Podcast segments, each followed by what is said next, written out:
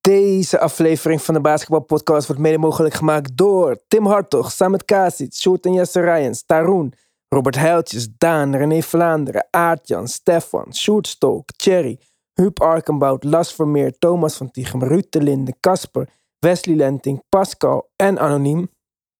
Guys, please support deze movement, join the family, ga voor alle extra content en twee extra podcasts in de week onze petje af. Petje.af slash de basketbalpodcast. Je kunt de petje af ook toevoegen aan alle RSS feed compatible apps, waaronder Apple Podcast. Dus, let's go.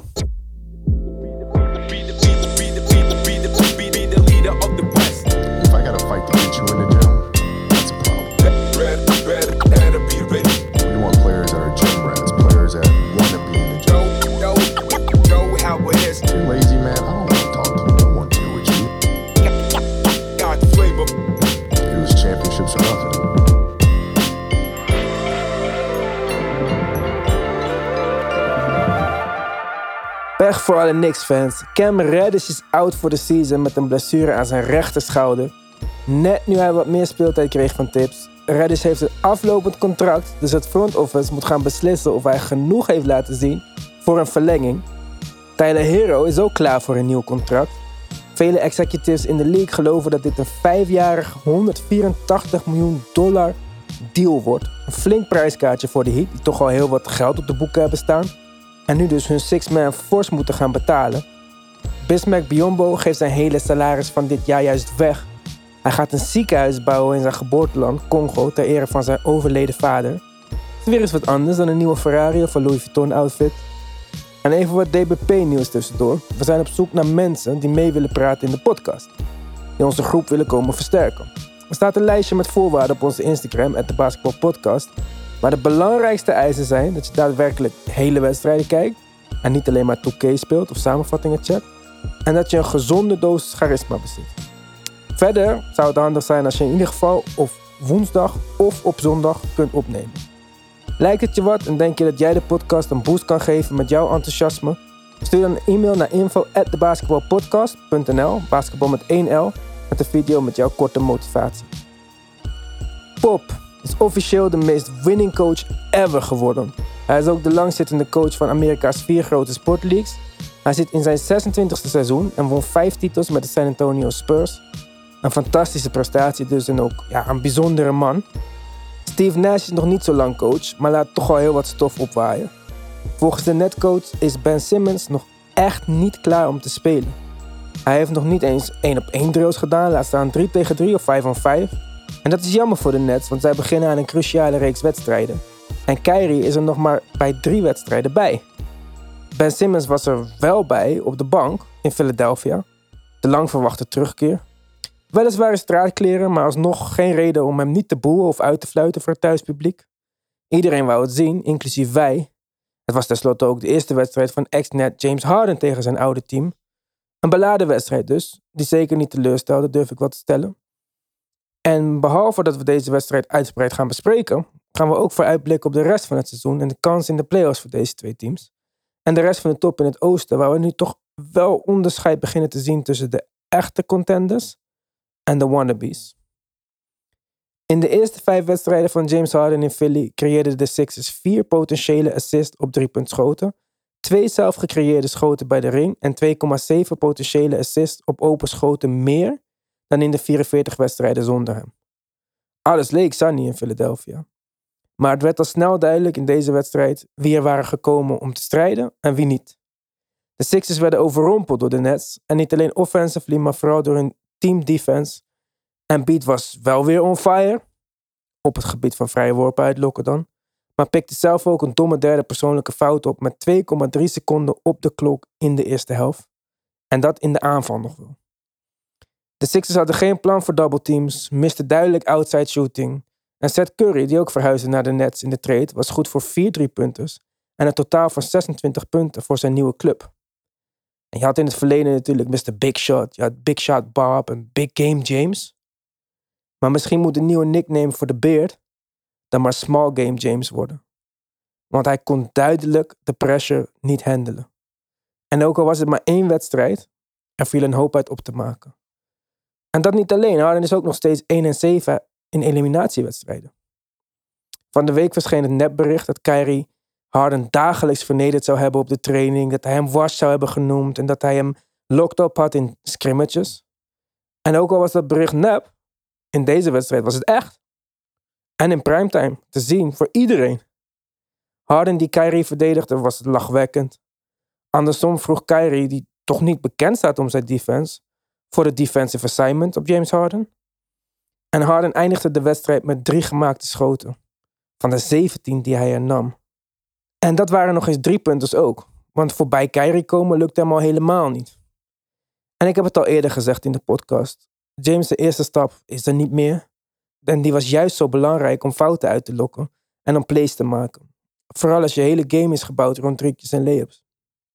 Sommige avonden lukt het hem nog wel, en andere niet. En vooral niet als de defense het op hem gemunt heeft. In deze wedstrijd kreeg hij slechts twee vrije worpen. Hij kan gewoon niet meer de initiator zijn van elke aanval en ook niet de hele wedstrijd door. En juist daarom was het zo bijzonder dat hij aan het screenen was voor Maxi en Tybal in de eerste wedstrijden. Maar deze wedstrijden stond hij weer stil. En Tybal en Maxi volgden zijn voorbeeld. Dat leidde tot een statische aanval en een blowout. Harden en Embiid waren samen 8 uit 34 from the field. En Tobias Harris op KD is trouwens een grap. De Philly fans die begonnen met boos voor Ben Simmons eindigden de avond met boos voor hun eigen team. En de meegereisde fans schreeuwden MVP, MVP elke keer dat KD aan de bal kwam. En geheel naar het karakter van James Harden sloot hij de avond af met Lil Baby en Travis Scott in de club. Ja jongens, de eerste wedstrijd. Ik zei al, het heeft niet teleurgesteld naar mijn mening, maar ik weet niet hoe dat in jullie beleving was. Hadden jullie liever iets spannends gezien of was dit gewoon spectaculair aan zich? Ik had misschien, niet, ik had misschien wel liever iets spannends gezien, maar uh, het heeft zeker niet teleurgesteld, omdat er heel veel, uh, nou ja, heel veel informatie uit deze wedstrijd te halen valt met het oog op uh, postseason. Ja, ik zei al in de intro, Mark, de Nets came ready to play. Sixers duidelijk niet. Het was ook niet zo dat de Sixers mensen misten of zo. Mm -mm. Hebben wij, kijk, jij, bent, jij ziet Harden vanaf het begin bij OKC. Is dit weer een beetje de echte Harden? Of is dit een dipje van Harden? Welke versie van Harden hebben we nou hier gezien? We hebben helaas het echte Harden. Het is wie hij is nu. Zoals je net zeide. Hij is niet hetzelfde die in 2014-15 na Dwight Howard wegging. Heeft een team na 47 wedstrijden gewonnen met de tweede beste speler van Ryan Anderson. Mm. De persoon bestaat niet meer. Dat is iemand die probeert te facilitaten. Hij probeerde aan het begin van de wedstrijd. Het werkte niet. Toen probeerde hij een beetje zijn eigen schot te creëren. Werkte ook niet. En ja, ja dan, dan heb je geen kans helaas. Wel drie, drie, drie punters houden Reggie Miller in. Nou, leuk. Mm. Weer een record erbij. Ja, dit is wat ik meer had verwacht. Ik vond die eerste wedstrijden van Harden bij Philly ja, eigenlijk nog erger. Omdat ik dacht, zo, je kan het wel, maar je doet het dus bewust niet. Mm. Maar ik denk dat dit echt gewoon echt je beste beentje voorzetten was. En echt van je beste kant laten zien. Alsof je aan het daten bent met iemand of zo. Zo leek het wel, alsof hij het zo benaderde. Maar ja, in deze wedstrijd, het, het, was, het was opvallend hoe Kyrie hem ging verdedigen. Ja, dit, dit is niet, zijn we niet gewend van Kyrie. En ik vond het zo jammer dat het bericht nep was. Want eigenlijk alles wat in dat bericht stond, gebeurde in de wedstrijd. Dus misschien ook al was het nep, heeft Kyrie het alsnog gelezen en uh, hm. uitgevoerd. Maar die berichten worden niet voor niets online gezet. Dus er zit een bepaalde kern van waarheid in voor de mensen die de wedstrijd hebben gezien. Ja, maar vaak zijn je... ze nog overdreven, meer overdreven, ja, meer overdreven. dan de realiteit. Ja, Dit kwam gewoon over, overeen met wat er in de wedstrijd is gebeurd. Ja. Ik bedoel, Harden kon Kyrie gewoon niet voor zich houden. Gewoon helemaal niet. En andersom kon Harden gewoon niet langs Kyrie komen. En zonder space, zonder shooters, werd, het veld nog, of werd de ruimte nog kleiner voor hem op het veld. Ja, het was gewoon onmogelijk. En Beat deed zijn ding en die, die, ja, die, die speelt die free throw game. Nou, dat werkte. Volgens mij had hij in totaal bijna 20 vrijworpen, 19 of zo. Mm. Dus oké. Okay. Maar ook Embiid trouwens op defense begint een beetje Harden-achtige kwalen te krijgen. Embiid wordt gezien als een two-way center, een defensive uh, beast. En dat is hij eigenlijk niet. Want hij is gewoon geen skilled defender. hij functioneerde goed met twee super getalenteerde verdedigers op het veld naast hem. Met een Tybal erbij en Ben Simmons. Maar nu dat hij alles in, in zijn eentje moet oplossen. Hij is geen Jannes of zo die als een uh, ruitenwisser maar uh, overal in het rond rent. En je ziet dat hij, ja, niet always probeert, zeg maar. Nee, en, en ze werden uiteindelijk, laten we wel wezen, gewoon outplayed. Ik was verrast dat de Nets zo, laten we zeggen, met een chip on hun shoulder speelden zoals Ja. ze deden. En het was wel echt duidelijk dat zij eh, een punt wilden maken. En misschien zelfs wel voor, eh, voor bepaalde volgers, laten we zeggen, een sprankje hoop geven, eh, eh, gaven. Ten opzichte van de afgelopen weken, waarin de twijfels toch wel een beetje begonnen toe te nemen. Rondom wat de Nets nog konden en kunnen. Zelfs met, Mhm. met Simmons nu en na deze trade. Eh, maar hier hebben we wel weer een voorbeeld gezien van als dit team wil en als KD en Kyrie willen, dan zijn ze niet alleen aanvallend geniaal, kunnen ze defensively ook echt, echt wel een, eh, een, een, hele, nou ja, een hele goede verdediging neerzetten, vind ik. Ja, Als team ook. En, en, maar zij waren de absolute leiders van. Ik vond Kyrie's verdediging op Harden echt enorm opvallend, maar eh, ja goed maar teken. vooral die team eh, defense die je al belichtte, dat, dat was eigenlijk het meest bijzondere.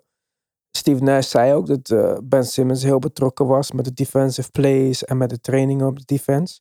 Dus dat is ook wel interessant. Als iemand de Sixers kent, is het natuurlijk Ben Simmons. Mhm. Maar ja, het was een combinatie van alles. Individuele inzet, teamplan. En ze waren eigenlijk binnen acht minuten klaar met die wedstrijd. Ja, het was eigenlijk al vrij snel Ja, gespeeld. want toen wa- Philly liep gewoon te veel achter. En die energie was gewoon, was daar niet. Kunnen we even... Zij hadden wel drie dagen tussen de wedstrijd, Philly. De Nets hadden één dag. Ik weet dat... Ik weet dat dat is geen excuus. Maar het feit is drie dagen tussen een wedstrijd. Je bent niet echt... Toch, terwijl Brooklyn hadden, hebben gewoon vijf wedstrijden... in de laatste 10, 12 dagen gespeeld. Zij, zij zijn echt... In vorm is het verkeerde woord. Maar ze zijn wel consistent, consistent aan het spelen. Ja, maar ze waren gewoon niet ready mentaal. Maar kon door die drie dagen. Je bent gewoon meer rustig. Je bent niet hyped. Hoe, hoe ben je niet hype voor deze wedstrijd? De boos klonken vanaf eh, twee uur in de middag vanuit de stad naar Ben Simmons. Iedereen Mhm. weet wat deze wedstrijd inhoudt. En niet alleen dat, James Harden moet toch ook eh, laten zien dat hij. eh, Maar kijk, James Harden kan moe zijn, inderdaad. Want die was de avond daarvoor en daarna in de club aan het uitgaan. ja, Ja, zeg maar hoe je het spel benadert natuurlijk. Maar ik zou dat als ik de Sixers was. En je verliest deze wedstrijd zo erg. En die jongen die jij van de zomer 200 miljoen gaat geven. Staat gewoon diezelfde avond nog in de club. Ik zou dat eh, persoonlijk niet echt eh, goed teken vinden. Nee, ik zou het zelfs om willen draaien. Ik denk eh, als Philly eh, daar wat uit zou mogen halen, is dat ze uitgerust aan deze wedstrijd konden, konden beginnen. En de Nets eh, weliswaar in een ritme, maar minder rust hebben gehad. En het viel me eerlijk gezegd alleen maar op dat de Nets beter er, er, eruit kwamen. En, en veel, ja, eigenlijk een, echt een level hebben, hebben Hmm. opge, opgestapt. Ja, het is een beetje moeilijk om dat uit Engels Hm. eh, te, verhalen, te vertalen. Ehm, Tandje een bijgeschakeld. tandje bijgeschakeld. Moet ik ja. nou voor de Nederlandse ja, dit is zorgen? erg, hè? Ja, dit is wel. eh, ehm, ten opzichte van wat ze, daar, wat ze in de dagen en de weken daar, daarvoor hadden laten zien. Dus ik vond eigenlijk meer vooral een credit naar de Nets dat ze er zo uit konden komen. En laten we zeggen, een kijkje hebben gegeven in wat de Nets kunnen. Ja. Als, als het in de playoffs erop aan gaat komen. Want dat is min of meer wat, waar, waar deze wedstrijd een beetje qua sfeer naar, eh, naar oogde eigenlijk. Als jij niet op de hoogte bent van dit seizoen, of zelfs als je nooit basketbal hebt gekeken en je keek deze wedstrijd, dan zou je denken dat je een van de betere teams in de NBA tegen een van de slechtere teams zag. Zo groot was het verschil. Ja. En kijk, de Nets staan achtste. ja. Ze staan vier wedstrijden volgens mij buiten of eh, achter op de nummer zes. En de nummer zeven is ook nog kanshebbend eh voor de nummer zes positie, als ik me niet vergis. Toronto klopt. Ja. ja. Dus dat wordt lastig om echt die play-in te ontlopen. Wat natuurlijk wel mooi zou zijn voor hen. Mhm. Maar ervan uitgaande dat ze zevende of achtste worden en dan zevende eindigen. En dus spelen tegen de nummer twee, De Bucks momenteel.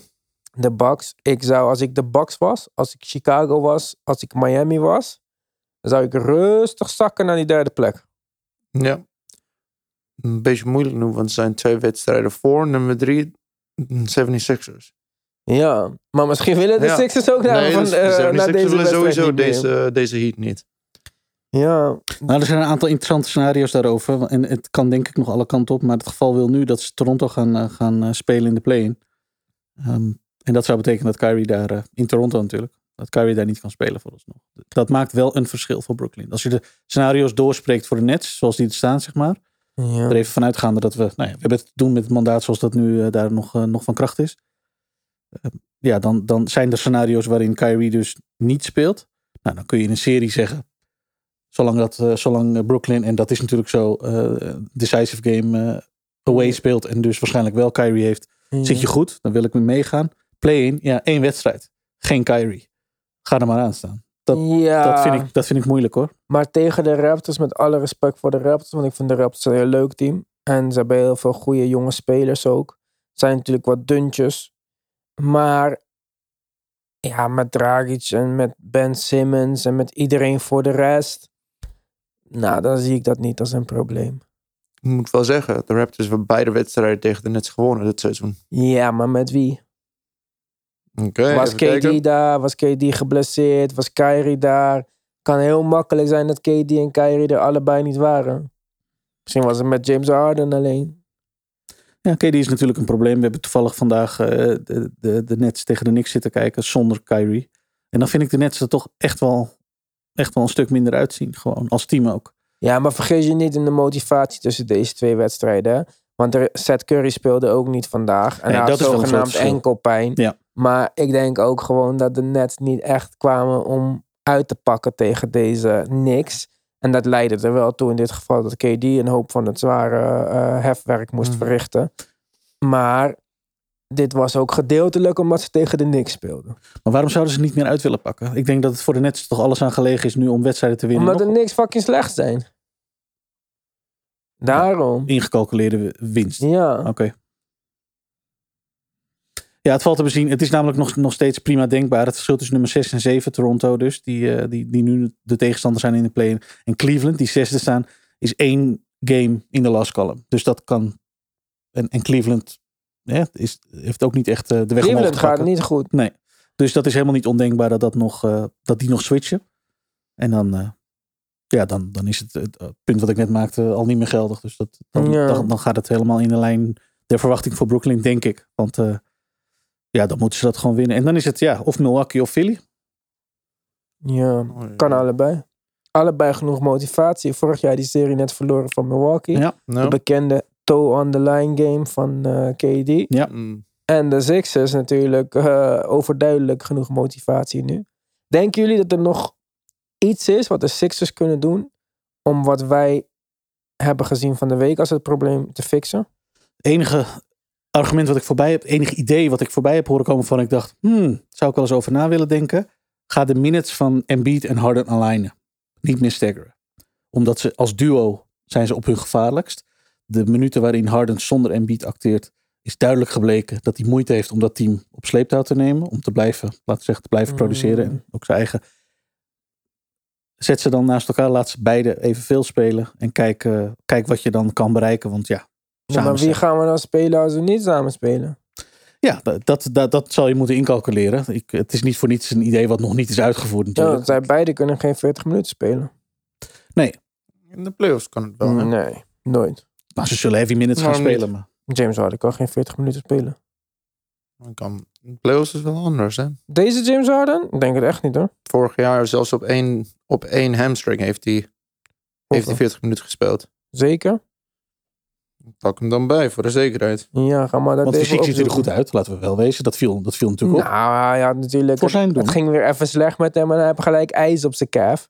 Op zijn. eh, ja, nee, ik bedoel meer in zijn fysieke, in zijn fysieke gestel. Ja, dat. Iwan, laatste drie wedstrijden tegen Milwaukee. Nee, nee, nee. Jij, jij zoekt Nee, altijd stats nee, nee, nee, die nee, maar bij dit, jou is- dit, is- passen. dit is gewoon... nou, Hij heeft alleen drie wedstrijden gespeeld tegen Milwaukee. Oké.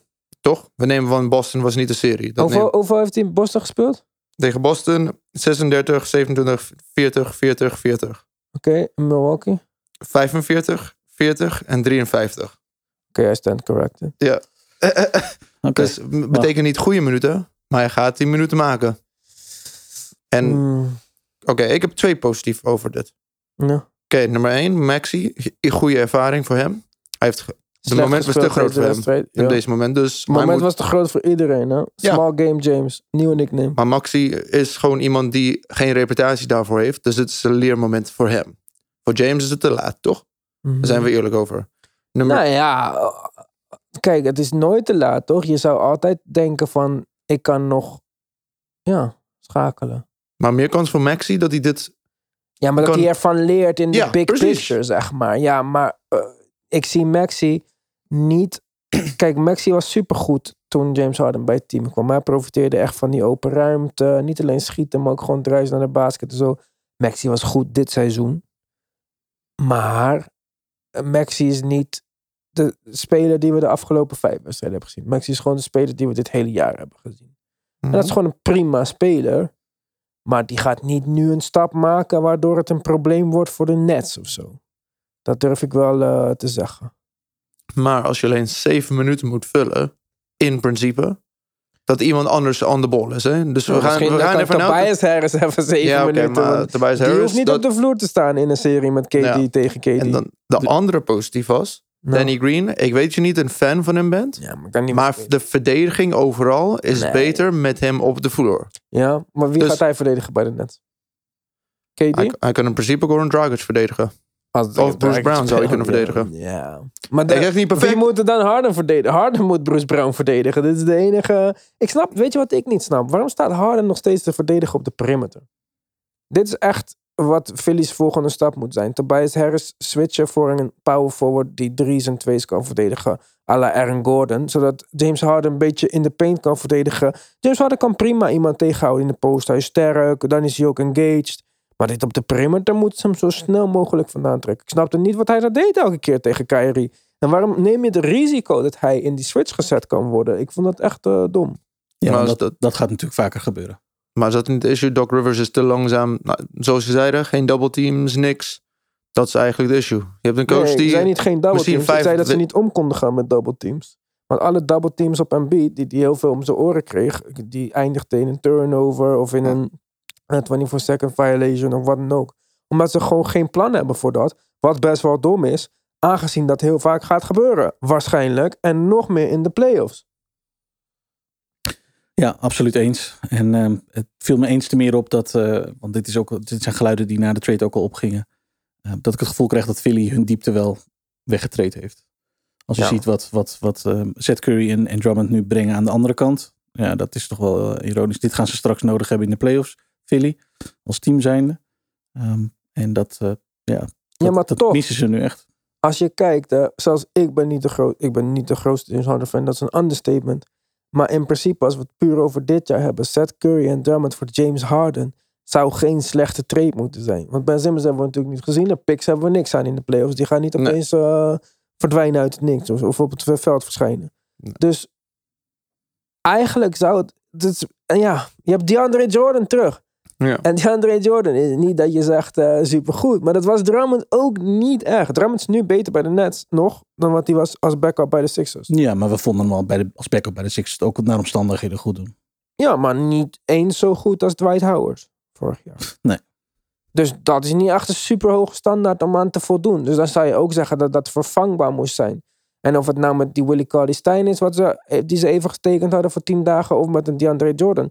Ik zou denken dat het zou moeten lukken. Want wat Drummond nu bij de eh, Nets doet, is à la wat James Harden bij de Sixers deed in de eerste vijf wedstrijden. Gewoon een beetje te veel van het goede zelfs. Ja, de vraag is hoe sustainable dat is. ja, maar goed, en we zagen laat zien ook. dat hij het kan. We zagen het in die Sixers-wedstrijd. Ging hij out met de enkel blessure. Vandaag zaten we samen te kijken. Mark zei, heb ik Drummond nog gezien? Of jij zei dat, ik weet niet. Maar ja, ik, ik weet niet of dit echt... eh, Ja, zijn conditioning is een issue. Volgens mij ging hij er tegen, tegen, de, tegen Philly inderdaad ook. Had hij ook early foul trouble, als ik me niet, Mhm. eh, niet vergis. Ja. Eh, dus eh, ja, je kan hem natuurlijk wel, wel onder druk zetten. Helemaal in zo'n serie. Dat zal, dan heb je hem snel van de vloer af natuurlijk. hmm. Ehm, maar goed, ja, Seth Curry was in die wedstrijd ook weer hartstikke belangrijk. Dus ook een jongen die we niet noemen, maar die ook duidelijk wat te bewijzen had. En dat ook Mhm. echt wel deed. Ja. En ja, dan worden de Nets wel gevaarlijk hoor. Dan is het wel. het was voor mij, ik zat ernaar te kijken. Ik dacht, kijk, ik begon, ik begon echt te twijfelen de afgelopen weken, zeg maar. Mhm. Van, nee, ik was altijd wel high aan ze, maar gaat dit, eh, gaat dit nog wat worden? En dit was weer een signaal dat ik dacht, oké, ja, als ze willen, als het, als het er echt toe doet, want dat hebben ze blijkbaar wel nodig daar. En ze hebben straks iedereen eh, op de vloer staan, ook wel belangrijk. Is ook niet altijd zo geweest dit jaar. Het is erg rommelig geweest. Mhm. Veel verschillende line-ups gehad. Geen excuus natuurlijk, want Miami staat nummer 1 met deze veel verschillende lijnen Ja. en veel blessures. Dat is wel waar. Maar goed, die hebben een andere teamopbouw. En, en, eh, dus dat, dat, eh, dat is, maar dat is, wel- dat is wel waar. Dan denk ik, ja, dan, dan is misschien, zijn misschien de Nets wel een hele goede om dit jaar je geld op te zetten. Ze staan natuurlijk relatief laag. Het zal niet, het zal niet in hun voordeel spelen. Ze zullen een Ik lange denk weg dat moeten de betting odds niet echt gunstig zijn om op een net te wedden alsnog. Niet voor de positie waar ze op staan. Nee. Ze zijn natuurlijk het hele seizoen. Ze hebben altijd wel een soort favoriete rol gehad. Ja. Maar als je, als je de NBA wekelijks volgt, zie je dat dat dit seizoen eigenlijk helemaal niet zo was. En zeker niet de afgelopen weken zo goed ging als dat iedereen ooit heeft beschreven. Laten we zeggen voorafgaand aan het seizoen. Dus, eh, maar het, het was, het was een, voor mij een signaal dat ik dacht, als dit nu net op tijd op zijn plek gaat vallen, waar het alle schijn van heeft, laten we hopen dat Simmons binnenkort terugkomt. We weten het nog niet, maar het moet niet te lang meer duren. Dan is dit team net op tijd klaargestoomd. Beetje continuïteit. Klaargestoomd voor, eh, voor de postseason. En dan, eh, ja, dan, wat, nou, dan zijn ze de absolute outsider voor, eh, voor een titel, wat mij betreft. Als je kijkt naar de seeding, hè. Ik bedoel, Mhm. Ja. Oké. Ja, ik moet het even zien nog. We gaan het zo, sowieso zo meteen een petje af hebben over die top van het oosten. Want ik vind wel dat er een aantal ploegen daar niet meer bij horen. Eigenlijk. En dat er misschien een nieuwe wel bij hoort. Wie dat zijn gaan we natuurlijk zo meteen bespreken. Ik weet dat we nog iets gaan bespreken wat ik net tegen jullie zei. Help me dat herinneren later. Maar ik ben dat dus alweer vergeten. Want mijn geheugen is echt niet meer wat het was sinds corona. Maar eh, dat gaan we allemaal lekker op petje afdoen. Ik wil iedereen die deze aflevering heeft geluisterd in ieder geval bedanken voor het luisteren. Delen met je vrienden, delen met je teamgenoten, delen met je moeder. Ik weet niet, deel gewoon met iemand. We hebben sowieso meer vrouwelijke luisteraars nodig. Dus zeg even tegen je vriendin dat ze een keertje moet luisteren of zo. Ja? Oké, dan zijn wij er donderdag weer. En natuurlijk nu op petje af. Dus kom, kom, kom, kom, kom.